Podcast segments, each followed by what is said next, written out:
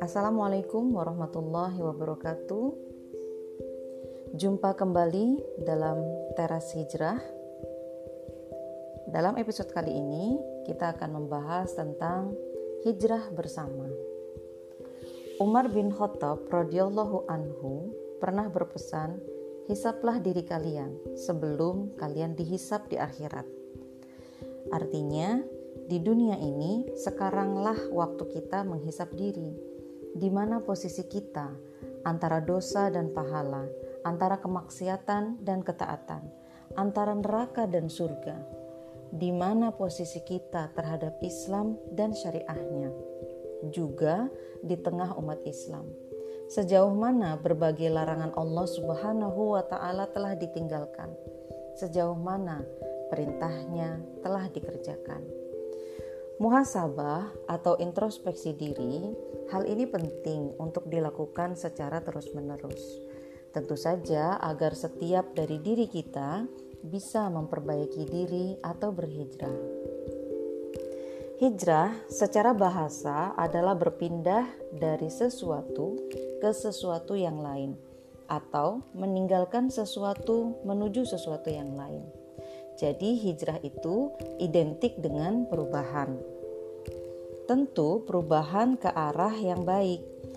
Ibnu Rajab Al-Hanbali dalam Fathul Bari menjelaskan asal dari hijrah adalah meninggalkan dan menjauhi keburukan untuk mencari, mencintai, dan mendapatkan kebaikan.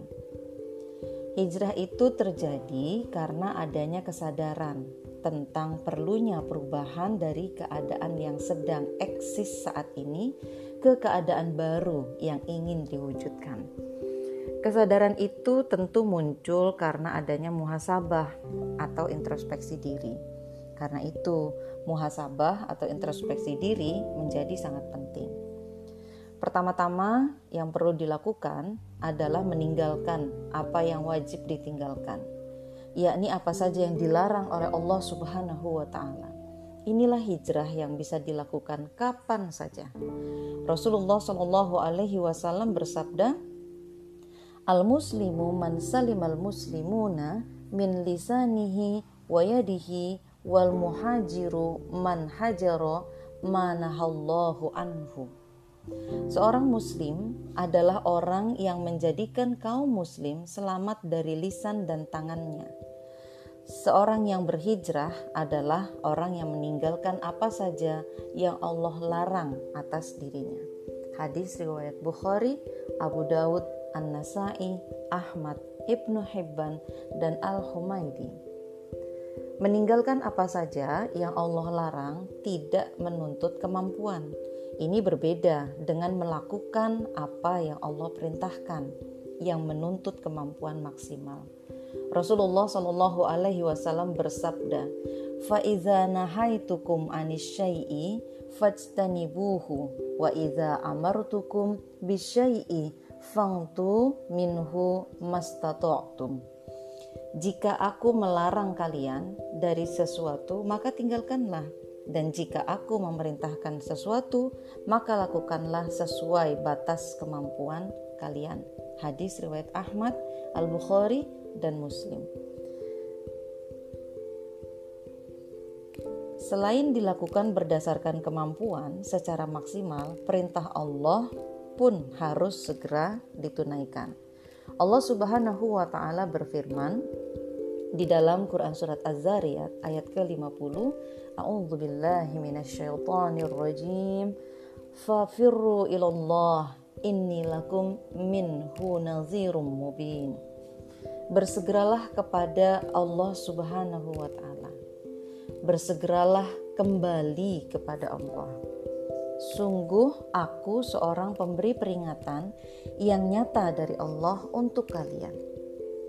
Abu Ishaq Al-Tha'labi dalam tafsirnya Al-Kaisfu Al-Kashfu wal Bayan dan tafsir Al-Quran menjelaskan frasa fafiru ilallah bermakna larilah dari azab Allah menuju pahalanya dengan iman dan menjauhi kemaksiatan.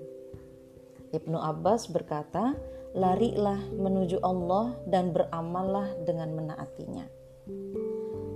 Sahabat hijrah, dengan demikian setiap muslim harus segera berhenti dari apa yang Allah larang dan meninggalkannya. Sekaligus segera menjalankan berbagai ketaatan kepadanya. Dengan dua semangat ini, setiap muslim akan menjadi sosok yang makin taat. Ketaatannya juga semakin total, makin menyeluruh, makin kafah. Orang yang hijrah itu tidak menyukai apa saja yang menyalahi Islam dan syariahnya. Sebaliknya, dia makin senang kepada Islam dan syariahnya. Dia pun makin merindukan kehidupan Islami, kehidupan yang diatur sesuai dengan Islam dan syariahnya. Alhasil, secara individu, seorang individu Muslim tidak boleh berhenti berhijrah tidak boleh berhenti berubah ke arah yang lebih baik sesuai tuntunan syariah, menuju totalitas berislam dan melaksanakan syariahnya secara kafah. Hal yang sama juga perlu dilakukan oleh kaum muslim secara keseluruhan. Kita perlu melakukan muhasabah atau introspeksi atas keadaan umat Islam saat ini. Kita perlu merenungkan bagaimana keadaan umat Islam bagaimana pula keadaan seharusnya yang dikehendaki oleh Islam. Selanjutnya, kita perlu menyiapkan tindak lanjut atas hasil muhasabah itu. Allah Subhanahu wa taala telah mensifati umat Islam sebagai khairu ummah atau umat terbaik. Sebagaimana firman-Nya, kalian adalah umat terbaik yang dilahirkan untuk manusia melakukan amar ma'ruf nahi mungkar dan mengimani Allah.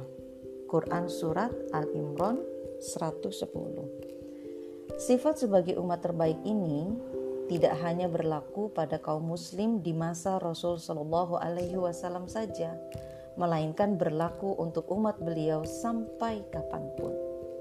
Ali bin Abi Thalib radhiyallahu anhu menuturkan bahwa Rasulullah Shallallahu alaihi wasallam pernah bersabda, aku diberi apa yang tidak diberikan kepada seorang nabi sebelumku. Kami bertanya, "Apakah itu?" Beliau bersabda, "Aku ditolong dengan rasa takut. Aku diberi kunci-kunci bumi, aku diberi nama Ahmad, tanah dijadikan suci untukku, dan umatku dijadikan sebagai umat terbaik." Hadis riwayat Ahmad. Hanya saja, sifat sebagai umat terbaik itu tidak datang begitu saja, harus dipenuhi dulu karakteristiknya. Di dalam ayat ini, Allah Subhanahu wa Ta'ala menyebut karakteristik umat terbaik, yaitu melakukan amar ma'ruf nahi mungkar dan mengimani Allah Subhanahu wa Ta'ala. Terkait dengan itu, ada seorang laki-laki bertanya kepada Rasul Shallallahu Alaihi Wasallam saat beliau sedang di atas mimbar. Ya Rasulullah, siapakah umat terbaik itu? Siapakah manusia terbaik itu? Rasul Shallallahu Alaihi Wasallam menjawab, manusia terbaik adalah yang paling banyak membaca dan memahami Al-Quran, yang paling bertakwa kepada Allah yang paling banyak melakukan amar ma'ruf nahi mungkar dan yang paling sering menyambung silaturahim. Hadis riwayat Ahmad.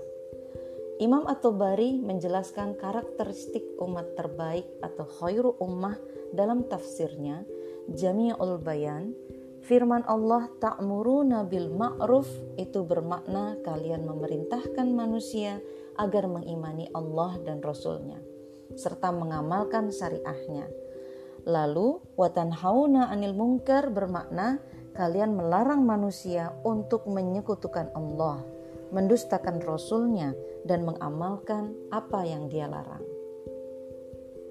Sementara Imam Ibnu Kathir setelah menyebutkan hadis-hadis tentang khairu ummah menyatakan karena itu, siapa saja dari umat ini yang memiliki sifat-sifat ini, dia masuk di dalam penghormatan dan pujiannya.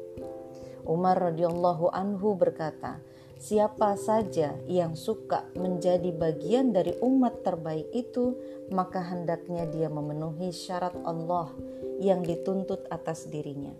Diriwayatkan oleh Ibnu Jarir, siapa yang tidak memiliki sifat demikian, dia serupa dengan ahlul kitab yang dicela oleh Allah Subhanahu wa taala. Yang artinya mereka satu sama lain selalu tidak melarang kemungkaran yang mereka lakukan. Sungguh amat buruklah apa yang selalu mereka lakukan itu.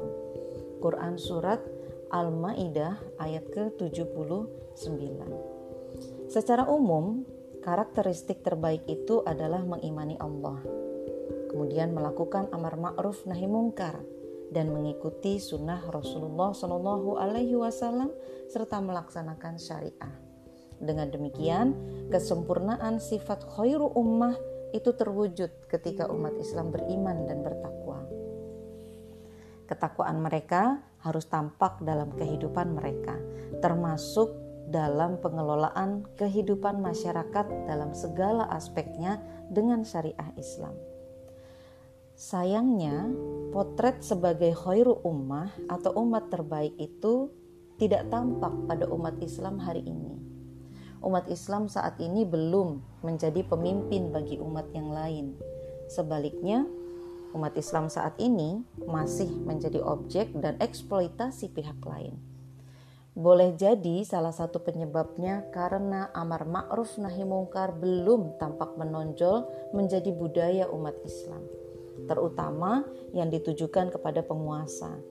Padahal kemungkaran penguasalah yang paling besar efeknya, yang paling besar menimbulkan keterpurukan umat.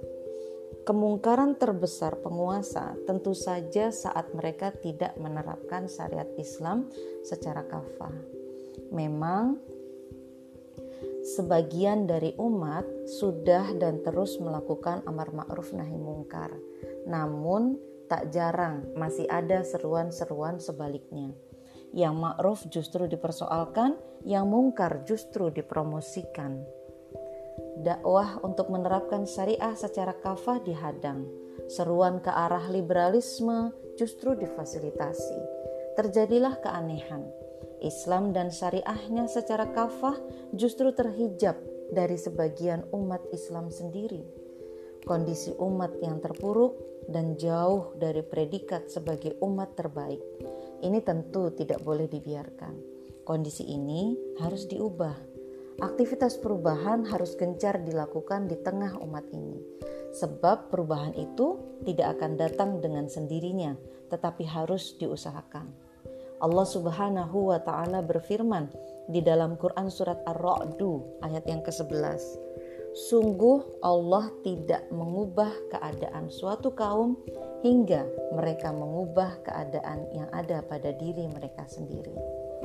Imam Al-Qurtubi dalam Al-Jami' li Ahkamil Quran menjelaskan, Allah Subhanahu wa taala memberitahukan dalam ayat ini bahwa Dia tidak mengubah keadaan suatu kaum sampai terjadi perubahan dari mereka, baik dari mereka sendiri atau dari orang yang mengurus mereka, atau dengan sebab dari sebagian orang di antara mereka. Sahabat hijrah, karena itu perubahan atau hijrah harus dilakukan bukan hanya pada individu saja, tetapi juga pada masyarakat yakni perubahan menuju ketaatan kepada Allah Subhanahu wa taala secara total. Ketaatan total kepada Allah Subhanahu wa taala diwujudkan dengan penerapan syariah Islam kafah di dalam seluruh aspek kehidupan. Ini menjadi tanggung jawab seluruh komponen umat Islam termasuk kita. Wallahu a'lam bishawab.